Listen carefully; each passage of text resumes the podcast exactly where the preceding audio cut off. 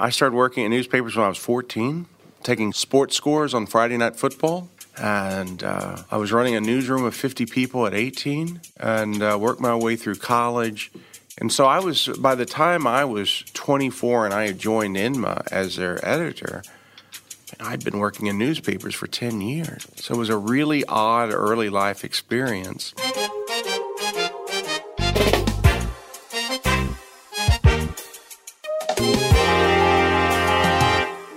Hi, ik ben Lars Andersson en je luistert naar De Vernieuwing, een podcast over de nieuwste ontwikkelingen in de journalistiek en onze media. Vandaag praat ik met Earl Wilkinson, een uitgesproken Texaan die aan het roer staat van de International News and Media Association, beter bekend als INMA. Earl begon superjong in de journalistiek, zoals hij net al zei, en werd begin deze eeuw directeur van INMA. Sindsdien is hij de helft van het jaar op reis en bezoekt hij nieuwsorganisaties over de hele wereld. Earl heeft een gigantisch netwerk. En als iemand met eigen ogen de jongste vernieuwing in de journalistiek overziet, dan is hij het wel. In dit gesprek staat het abonneemodel centraal. Hoe zorg je dat jouw publiek wil betalen voor de verhalen die jij maakt? Inma heeft zich toegelegd op dit onderwerp om zo een bijdrage te kunnen leveren aan nieuwe journalistieke verdienmodellen. Wilkinson is een Amerikaan. Hij spreekt alleen maar Engels, dus we schakelen over naar het Engels. So Earl, thank you for being here. To me, this is more like like a conversation about uh, media innovation and where we are going, obviously, in, in journalism and media, uh, in the mediascape. Let me short and briefly introduce you. If I'm having it correct, uh, obviously you're the director of INMA, which is the International News and Media Association. You've been working there for now 29 years, as you just told me. Um, what I also read on your blogs, uh, the things that you've written, um, you travel a lot around the world. Um, you meet many people in news organizations, you meet many publishers. Um, so, in a way, my guess would be that you know a lot about um, our media world. So, that's why I wanted to have you on, on this podcast to talk about innovation. And maybe my my start question would be from all these titles and in the last year that you've been traveling what is what is the um, most promising development that you have seen at either one of all those titles? Well, first of all, I would differentiate innovation as a process to ideate and to improve, which is kind of the, the classic Stanford University definition of innovation yeah. from innovation being a good idea. And I find in our industry, uh, we, we, a few years ago we ran an innovation uh, competition, and we'd get these entries in, and I'm just telling you, nobody was was grabbing hold of the idea of innovation as a process. They grabbed hold of innovation as a cool idea. Mm-hmm. So I would differentiate uh, those two things. I think there are very few companies that are truly committed to the process of innovation. That is um, about workplace and people.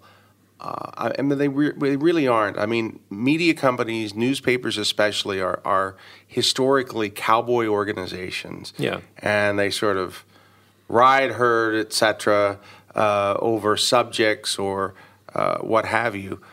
Uh, but if you do drill into just what's a good idea, you know, who consistently um, is clever and innovative, I, you know, I would focus on uh, a couple of uh, companies in Norway, Sweden, India, and Australia for some reason. Mm-hmm. Um, uh, News Corp Australia, Fairfax Media, which just been purchased by the Nine Television Network, in Australia, Times of India, very consistent over time.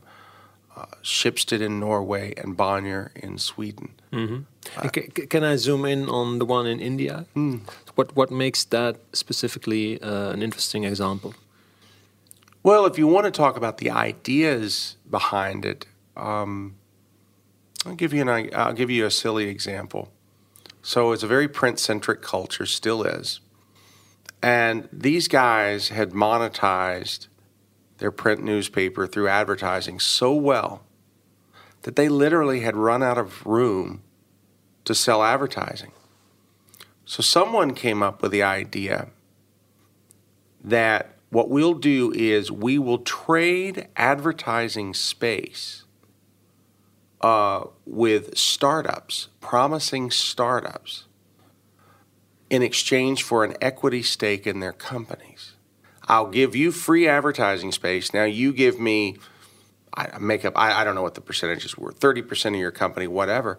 Times of India today are setting on multiple billions of dollars of private equity. So they were able to see value that nobody else did. And by the way, because they were first movers, others tried to copy the concept, never could. I think there might be a couple of instances internationally where uh, they've they've stumbled on a similar idea. But Times of India is interesting to me because they've always been aiming for that bigger, better idea. And I don't think it's organic. I think that they've they've got ownership that really I think creates a culture of okay, what's next? What's the next big thing? I don't know whether, by the way, that's a good thing or not. Mm-hmm. Uh, I, I, I really don't. I, I question it sometimes. Sometimes I feel like they ran out of gas, and then they but they always seem to come up with the next big thing. Hmm. And um, could you tell me um, a little bit more about yourself, about what your daily, what your day looks like? Um, uh, because you seem to be in a unique role uh, as director of the INMA uh, to have access to all these, to all these places. How, how does that work for you? How does I mean, it sounds more interesting than it probably is a lot of days. I mean, there are days punctuated by just strictly office time, computer time, pretty boring stuff. But then 125 to 150 days a year, I'm usually on the road. I'm doing things like I did today at mm-hmm. the Persgroep, um, and, and, I draw a lot of energy from that. Um, you know, normal for me would be to uh, probably do two things like that. Uh, I know on Friday this week I'll be in Dublin and I'll visiting with the uh, Independent News and Media in the morning, and I will visit with their rival, the Irish Times, in the afternoon. But it's not really a competitive thing. Everyone just gets better, and they've built events around it, and it'll be it'll be uh, there'll be a radio interview, there'll be TV, yeah. there'll be speeches, toasts, etc. And uh, I the funny thing is, is um, there's enough demand out there. I could be on the road 365 days a year. How big is your team? How many people do you? Not not as many as you think for a global. I, I love I love the International News Media Association. Sounds so big. Yeah, it sounds big. It's gigantic. I had 17 staff. Uh, but we've got really a volunteer army. In fact, one of the cool stories dating back to 1930 when we were founded. It was uh, founded by volunteers um, that wanted to, I'm putting this in air quotes, create less disrespect for marketing. It was kind of a marketing directors association. And they, they literally, I read the, I, I could read the, the, the, the uh, minutes from the 1930s. They decided, well, why don't we do an annual conference so we can share ideas? Why don't we put together a member directory? Why don't we do a newsletter? Well, that's the foundation for what we're doing. 1937, they come up with an awards competition. They don't hire their first staff till 1968. So it was an association of volunteers. And even to this day, if you look at inma.org, mm-hmm. you can go there right now. Volunteer, volunteer, volunteer, volunteer, writing the content, contributing the content, our speakers at conferences are rarely hired, there's usually volunteers. So, in some ways, even 29 years ago, I inherited a so, an association that had this really sweet, rich history of volunteerism. And maybe one of the, the two smartest things I've done mm-hmm. in 29 years is I've internationalized it. That is, I've connected the dots internationally that's a positive thing. And the second big thing that I've done is I've not gotten in the way of volunteers. You're talking about um, sharing, you're talking about inspiring. Um, is there also a way that you can uh, facilitate the thriving of innovation in media? Do you have a role in that? Do you feel that you should have a role in that? Uh, you know, with this Readers First initiative, about so in the last two years, we've invested more and more time in this one subject matter of digital subscriptions. Even I didn't fully appreciate what all was involved. Mm-hmm. Gosh, we're rethinking our value proposition. What is the art and science behind locking content and unlocking content? So there's all of these things. Um, about six months ago, we made the choice you know, all this is coming together for us. Why don't we just own the space? Why don't we own a subject matter? And we've never done that in 89 years. Uh, so I don't know if that's fostering innovation, but what it's doing is it's it's putting our backs into one subject, uh, trying to build a community, try to bring people together. And it's interesting. I mean, of all the things that, that, that we've tried over the years, we've never done anything like it. So I think that we are helping every media company upgrade their skill sets just mm-hmm. a little bit. Uh, I, I, visited with the Guardian last night about their donation model in London. I was visiting with Schibsted this morning uh, via email and via phone about some of their initiatives. So even at the top of our industry, I think that there's a real special moment right now where they're genuinely interested. They genuinely want to know. They genuinely want to reach out uh, and pick up little ideas. Uh, one of the cool, by the way, I got to tell you, one of the coolest ideas that I did not give in the speech today is just such a small idea. Anyone could do this. So, with paid content, with subscriptions, we start from the idea that it is free until an editor presumably, or some artificial intelligence locks it down. Mm-hmm. I found a regional publisher, true story, all the content is locked down. You have to unlock it to make it available. And I know that sounds like a small thing, but that is that's sort of core. Everyone should do that. Uh, you know, so in other words, the human thought process is not to lock it down and pay a price. No, it should be to open it up and make it free. Fundamentally changes how you do subscriptions. Learn that from a small publisher in Sweden. Why is this so challenging to you? This I don't idea? think it's well. I, I, Why is it one of the coolest ideas in your perception? You talking about the idea I just yeah, put forward? Yeah uh, to because of it's so because I'm talking about making something free versus because it was it's so simple. So, but does it we, work? We are. I, I don't know. I, it, it, does for that company. Um, it does for that company because they are already implementing it. They already implement. I mean, and this is what the, the other thing that was is really cool in, in my career. I find that every company is doing something remarkable that they don't know about. Mm. Um, they just don't know about it. They, it. they, just regular. Someone had an idea four years ago. They implemented it. Wow, this is interesting. It just because it is, it is in the cultural DNA of most companies not to look outside of their walls. I mean, that's really extraordinary when they are looking outside their walls. I got to tell you this silly story. Mexico City, 20 years ago. So I'm touring this newspaper's uh, newsroom. I've seen newsrooms. I'm touring their printing facility. I've seen a printing facility. Kind of going along. And then, of course, they showed me their drive through classified advertising window. And I said, whoa, whoa, whoa, whoa, whoa, whoa, whoa, whoa, whoa. Drive through, and it's dusty, dirty Mexico City.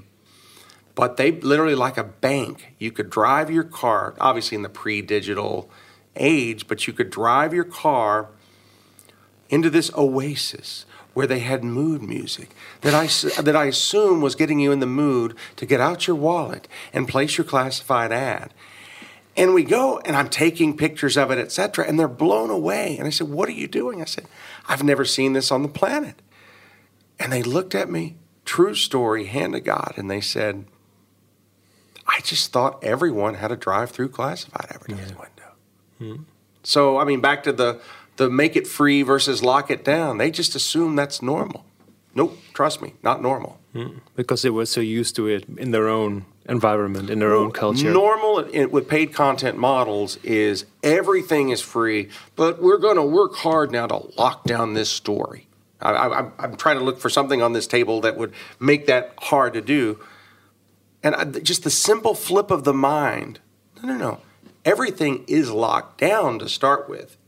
Now you have to work to free it up.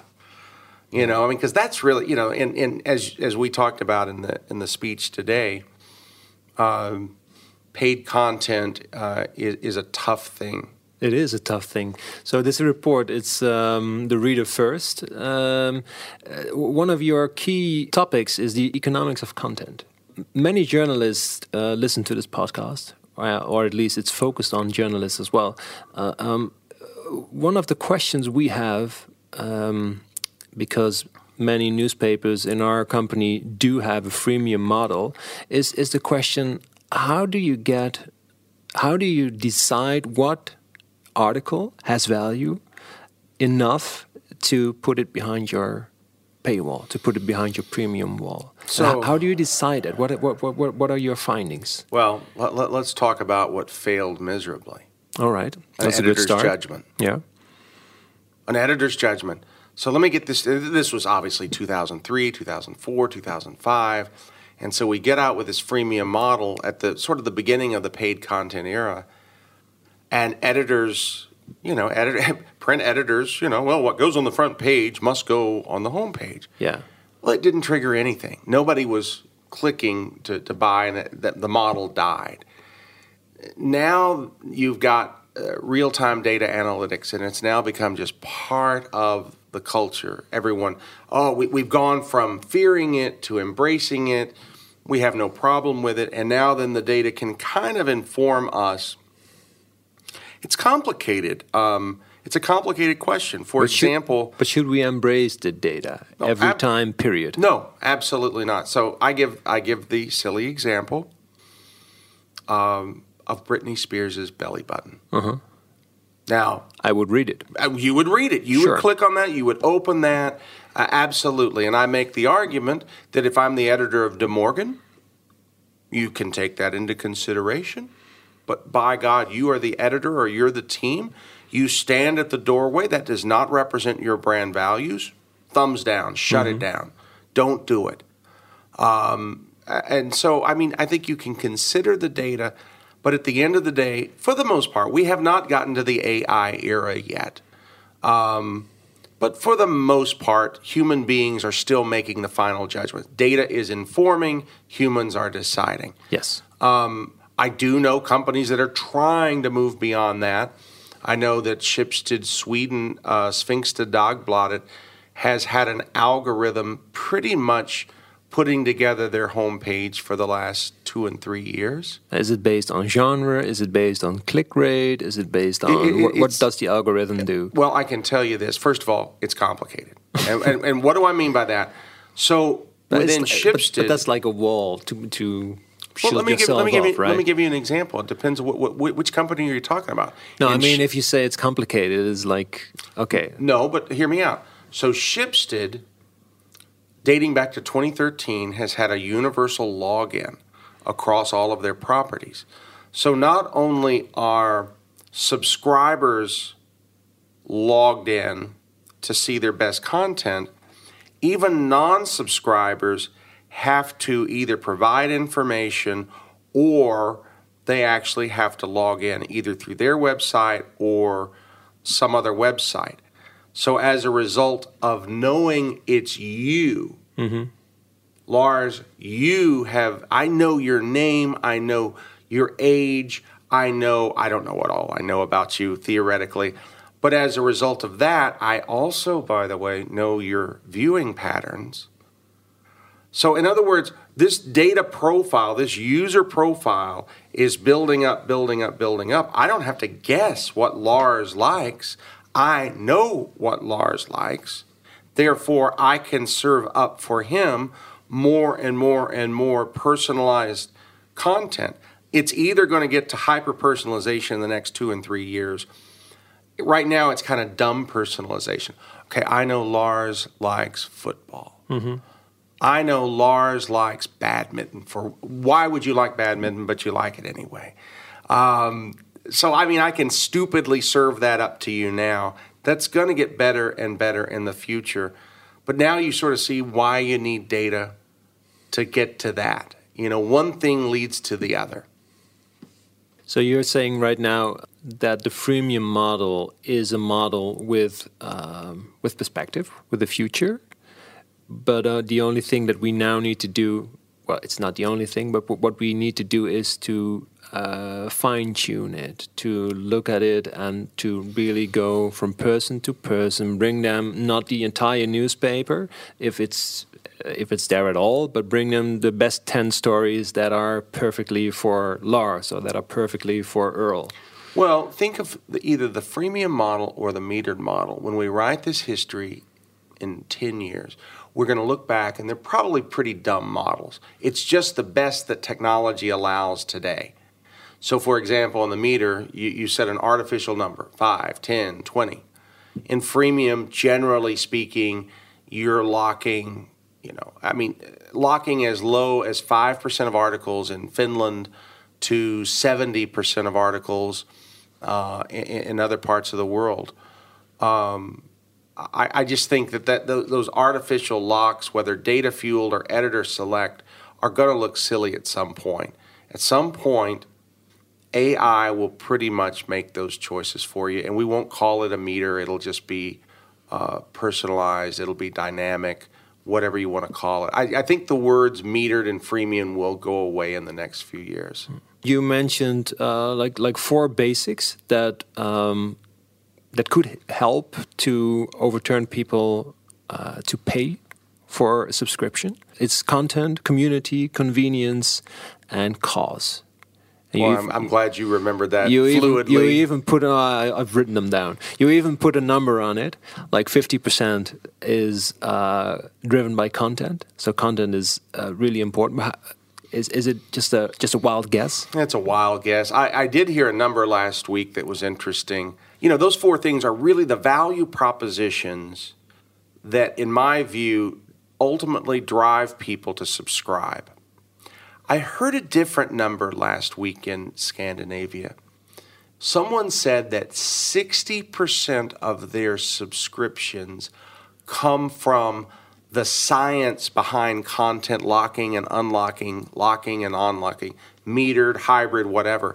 But 40% came from let's say, traditional promotional channels. That was interesting to me. So we're sitting here trying to come up with the perfect system, and they're saying, well, we haven't found that perfect system. Facebook has a role. Google has a role. Off platform has a role. Homepage has a role. Display ads have a role. That adds up to that 40%. Um, I don't know. I, would never actually heard anyone say that before. Mm. So obviously, we are looking for the holy grail uh, if it exists for to, to get people to subscribe to our products. So we bring news, we bring videos, um, convenience. One of your uh, four uh, pillars is obviously important. Uh, community, community seems to be uh, more relevant than ever. You were talking in one of your uh, speeches about brand love. How would you define that? How important that is? let, us take three steps back. I, I think one of the mistakes that we as journalists, we as newsrooms have made in the past is as we become slaves to the inverted pyramid, we become slaves to journalistic principles and uh, Associated Press style books, mm-hmm. etc. We, we, we, become very sterile, uh, I think, in how we communicate, how we tell stories. In some ways, it, it's become a commodity. Um, I'm fascinated. Well, and I'll go a step further, especially in, in countries like mine in the United States, where you don't have a popular newspaper serving a market and a quality. That's a clear delineation of a, a brand. You have one brand fits all. You have this genericism. What I love about uh, Flanders, what I love about both your company and Media House, um, is they have the quality newspaper and they have that popular newspaper. And it, it you know, clearly, I, and by the way, I'd love to know the data. If you have it, tell me right now. Um, if I'm of all of De Morgen readers or subscribers, what percentage of them read lots of news? My guess is they are in two very clear buckets of love. Mm-hmm. And you know, I'm I'm either a highly educated gentleman who should you know read De Morgen, or I'm a popular guy. I'm a working class guy. I'm a sports guy uh, who who like uh, likes a popular newspaper. That's what I'm talking about. Uh, in, in in the United Kingdom. Well, what is your point uh, in the example before? Oh, my point is, I think the companies that have brand love probably have a greater ability to monetize the reader relationship than those who have a low, you know, uh, a, a, couple that is more in love is more likely to get married than a couple mm-hmm. who has a low level of love. Yeah, it's as simple as that. So I actually think that uh, uh, populars and qualities in this country have a great opportunity to cement that love. Now, it's fresh in my mind from last week's media subscription week in uh, Stockholm and Oslo we as an industry are not asking fin- the correct financial value for that love. We're shy, we're timid. We, we, we lock too few articles. We keep the meter too high. We charge a low uh, fee. At the end of the day, every story, every piece of data suggests that the average Joe uh, who might subscribe to your uh, your brand or your publication um, they're just waiting for you hmm. to have the guts to charge what you will charge. They'll pay. The people who are in love with your brand have no problem paying. But if you're sitting there making it free and open, they're not going to volunteer. Hmm. And I mean, I, I think that's, I feel, and you can hear my, my tone of voice, it's almost religious. I mean, do it. I mean, I, I, I think I gave the uh, I gave the silly example in uh, Mittmedia in Sweden uh, last week sharing how they went after 650 non subscribers. And they found out that 69% of them loved their local newspapers, loved their local media uh, newspaper. But at the end of the day, you know, they're not charging a lot and they're not locking a lot of articles. When they understood that 69% were just basically paying because nobody was asking, they decided they locked 100% of the article.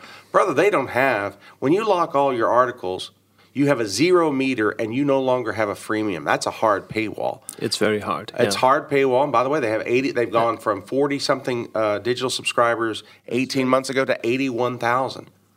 Oh, brother, listen, I, I still remember, uh, you know, I, I remember sitting in newsrooms and – you know, I was sort of interested in how, you know, what was this, what were the single copy sales on a six column headline, you know, on the front page that I had something to do with. So I used to be interested in circulation and readership.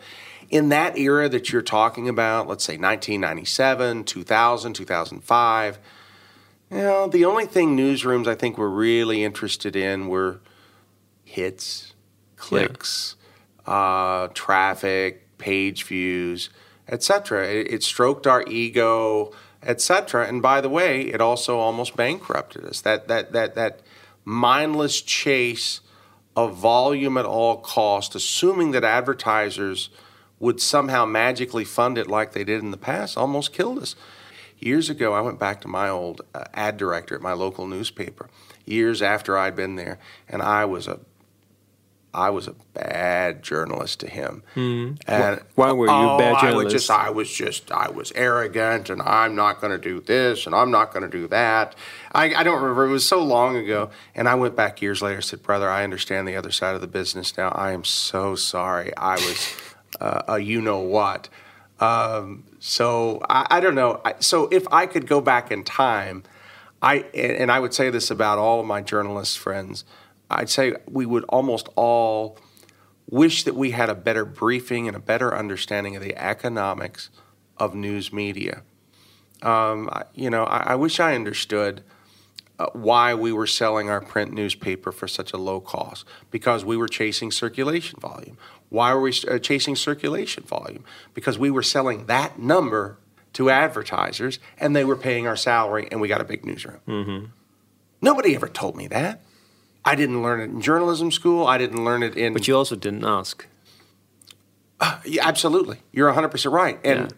nobody else does either. No. Today, people are being drawn into the conversation. We have to ask yeah. ourselves the questions. You have to, but you know, something else has happened that I'm pretty excited about.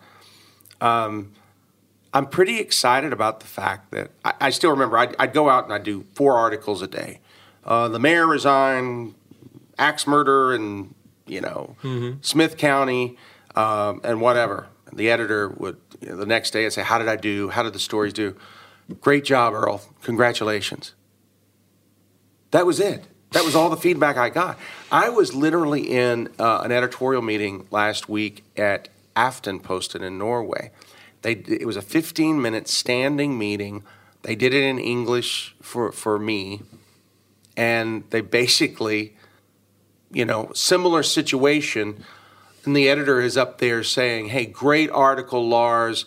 Um, you know that got 108,000 page views. More importantly, it triggered 353 digital subscriptions. Big congratulations. Now, let me tell you the three ways I think that that story could have been told even better. What? That's a revolution. And did, they actually did that. Absolutely. Absolutely, they did. In front of And it was constructive. it was and constructive it was positive. and it was cool. And by the way, I mean, obviously the editor was the editor, great, rich background, but he's fluent now in the KPIs of our industry. Mm-hmm. And now then, that's his language, therefore it's your language. And therefore it's her language. Um, I mean, really subtle things like that. Hmm. But those are the kind of things that are starting to melt the cultural icebergs of our industry. Imagine that you have me as a reader and I subscribe to your title, to your brand.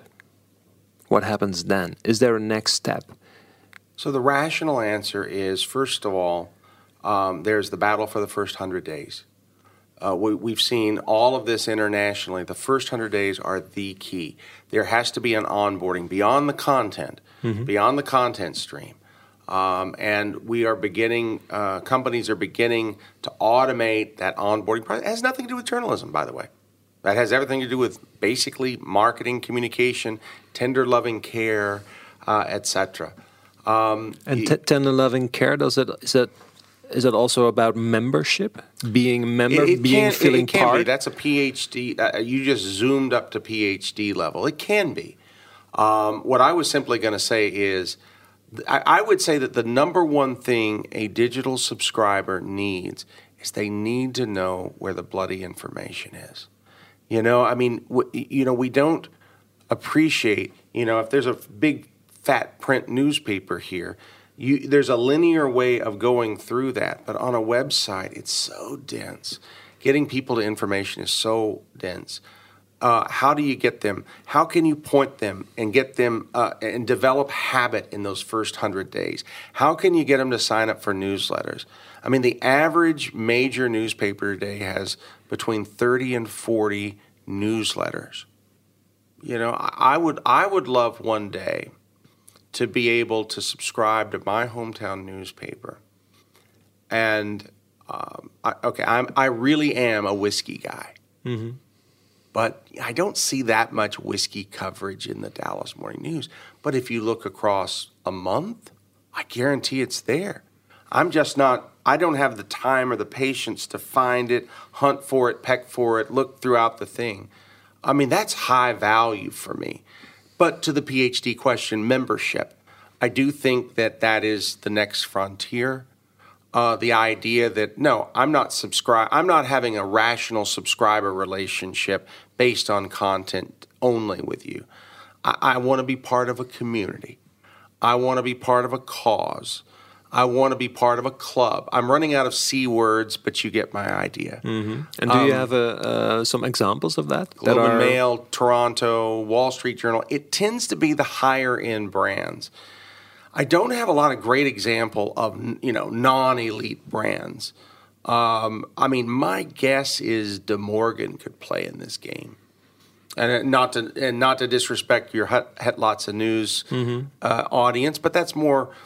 Um, I would I would think those are, are going to be more people who might be into couponing and discounting and good deals value for money. You know, that would be sort of a value added beyond content. Uh, De Morgen, I would assume, is a lecture, a concert, uh, you know. So I, I'm probably going to be a member of De Morgen more than I'm going to be a subscriber to De Morgen. Because that appeals more to you and your values. Maybe. Um, can I dumb it down even more? Please. It's more money. And that's good for journalism, that's good for newsrooms, that's good for brand love. And yeah, I mean, I'm, I'm not doing this for my health. I'm doing this to support great journalism, which will sustain democracy and uh, maybe keep Donald Trump away from Europe. Did I just go political? I think you did. Good Lord. I think I'm so you did. sorry. Let's stay with Trump because we have obviously the Trump bump. Yeah.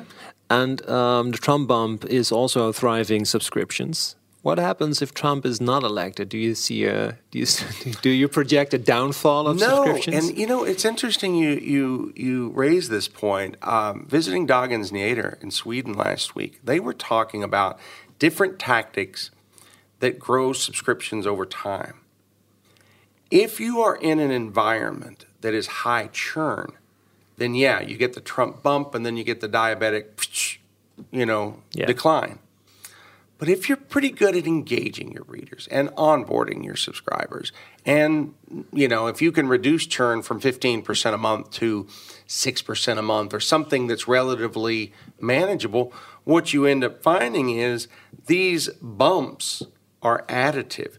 So I'm up a thousand subscribers. So I wrote a thousand new subscribers. I lost 200, but I'm up net of, a, of 800 mm-hmm.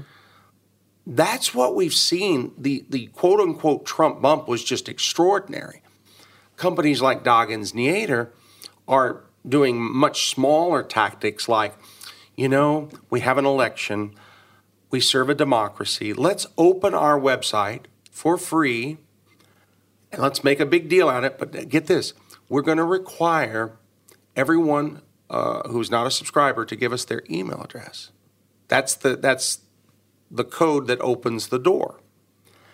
it's like a growth hack. It is a growth hack, and by the way, they generated 70,000 new registered users, of whom they converted 30% of those 70,000 to digital subscribers. And so that's sort of how this becomes additive, additive, additive over time. That sounds good. Thank you so much for your time, uh, Earl. Thank you for being here. What um, what are you up to today? Well, I'm staying in Antwerp, so there's going to be some beer. You're going to go back to Antwerp. Uh, yeah, I'm definitely going back to Antwerp, and uh, it's it's one of my favorite cities in the world. In fact, it's my favorite city in the world. I love the people. I, I've been going there for 25, 30 years. I've got my favorite bar with my favorite beer and my favorite bartender. That's where I'm going tonight. All right, let's say cheers to that. Cheers. Dit was De Vernieuwing. Mocht je dit een fijne en interessante podcast vinden, abonneer je. Laat gerust een recensie achter. Het kan vast altijd beter. Heb je zelf suggesties voor een spreker die alles weet over ontwikkelingen in de journalistiek, over innovaties in onze media, of mogelijk iemand uit een ander veld van wie we kunnen leren? Mail me op lars.anderson.dpgmedia.nl of stuur me een bericht via Twitter of Instagram. Je vindt me wel. Dat was het. Dank voor het luisteren. Tot de volgende keer.